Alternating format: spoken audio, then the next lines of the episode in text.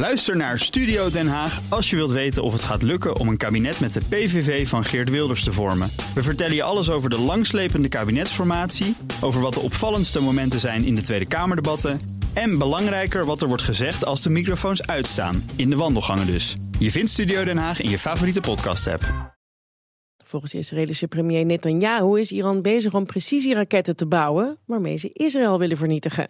Iran zou die raketten bouwen in de landen Syrië en Libanon. Twee weken geleden verschenen er foto's van een vermeende fabriek waar lange afstandsraketten worden gemaakt. Buitenlandcommentator Bernard Hammelburg. Goedemiddag Bernard. Hi Roos, goedemiddag. Hoe serieus moeten we deze woorden nemen van Netanyahu? Ik denk wel serieus. Uh, hij heeft natuurlijk altijd, een, wat Iran betreft, een agenda. Hij is zeer gekant tegen de overeenkomst die eh, de westerse wereld, Rusland en China hebben gesloten met Iran over dat nucleaire programma. Hij vertrouwt dat niet, daar staat hij niet alleen in. Saudi-Arabië bijvoorbeeld heeft ook twijfels. En ook de Fransen hebben vaak gezegd dat ze het niet echt geloven. Maar hoe dan ook, daar is een akkoord tot stand gekomen. Uh, en uh, Netanyahu fulmineert daar voortdurend tegen en zegt: Jullie begrijpen het niet. Ze hebben een echte agenda en die is gericht onder andere tegen ons. En dat zegt hij nu ook. En hij heeft dus tijdens een uh, bezoek van de secretaris-generaal van, de van de Verenigde Naties ook foto's laten zien. Hij zegt: Kijk, dit is het en dit is echt levensgevaarlijk. Die dingen die zijn bedoeld tegen ons. Ja, en die foto's dat zijn, die zijn het enige bewijs dat hij heeft. Dat weet ik niet. Um, het is het enige wat hij heeft laten zien. De, ja. de Israëli's hebben in het verleden wel meer van dit soort akkefietjes gehad. En dan leek dat aanvankelijk vaak uh, erg ver gezocht, maar toch achteraf weer waar. Bijvoorbeeld in 1981 hebben ze een uh, kerncentrale gebombardeerd in Irak. Daar was de hele wereld toen razend over dat ze dat deden. Hel en verdoemenis. Die, die, die installatie was overigens geleverd door Frankrijk.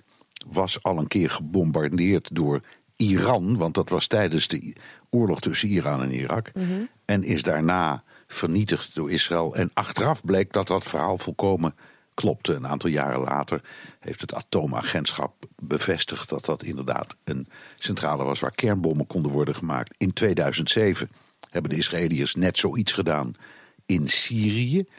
Uh, dat was een installatie die was geleverd door Noord-Korea. Uh, en die hebben ze vernietigd. En het atoomagentschap heeft jaren onderzoek gedaan. En in 2011 uh, uiteindelijk bevestigd dat ook dit een centrale was waar je atoombommen in kon maken of voorbereiden. Dus de Israëli's zijn op dit punt heel goed. En als ze zoiets zeggen op dit moment, dan heb ik de neiging om dat serieus te nemen. Ja, nu heeft Netanyahu gezegd uh, dat de VN dit niet mag accepteren. Zal de VN naar de woorden luisteren? Ja, dat is altijd een probleem, want de VN is gewoon een optelsom van alle landen. Dus de vraag is net zo goed, accepteren wij dit als Nederland of de Verenigde Staten of Rusland of China? Hoe kijken die daar tegenaan? Uh, en dan kom je meteen in een politiek uh, kwestie, want dat gaat erover hoe je denkt over deze hele kwestie. Maar... Um, Hezbollah, die een van de ontvangers is van uh, Iraans materiaal, mm -hmm. uh, staat op de internationale lijst van terroristische organisaties. Dus wat dat betreft kun je zeggen, zal de VN het wellicht steunen. Het regime van Syrië wordt ook verdacht. Dus als dit bewijs is, dan zal het misschien leiden tot een resolutie in de Veiligheidsraad. Maar of dat nou iets uitmaakt, dat waag ik te betwijfelen. Wat wel kan, en dat hebben de Israëliërs de afgelopen jaren al een aantal keren gedaan. Als ze dachten dat er ergens raketten uh, stonden die misschien gericht waren op Israël. Dat ze dan af en toe gewoon uh, daar overheen vliegen en er bommen opgooien en het uitschakelen. Dus ook dat moet je niet uitsluiten. En dan komt de aap uit de mouw. Want als er niks is en als er verzonnen verhaal is, nou dan zal dat blijken. En als er echt iets wordt vernietigd, dan kunnen de Israëli's zeggen: zie je wel, dit was hem. Ja, maar hoe komen we nou achter of het waar is of niet? Hè? Dat kunnen jij en Thomas en ik zo snel even niet bekijken. Jammer. Uh, ja, uh, uh, dat, we, we, moeten gewoon maar afgaan op de berichten. Ehm, het feit dat Netanyahu dat presenteert tegenover de baas van de VN... geeft het voor mij een hoop geloofwaardigheid. Maar zoals gezegd, hij heeft ook een politieke agenda... die te maken heeft met Hezbollah en Iran. En vanuit zijn perspectief volstrekt terecht. Er staan iets van ik geloof 30.000 raketten gericht op Israël. Dus dat hij voortdurend zegt, ja, daar moeten we enorm voor uitkijken en steeds maar blijven waarschuwen. Ja, dat snap ik precies. Dankjewel, Bernard Hammelburg.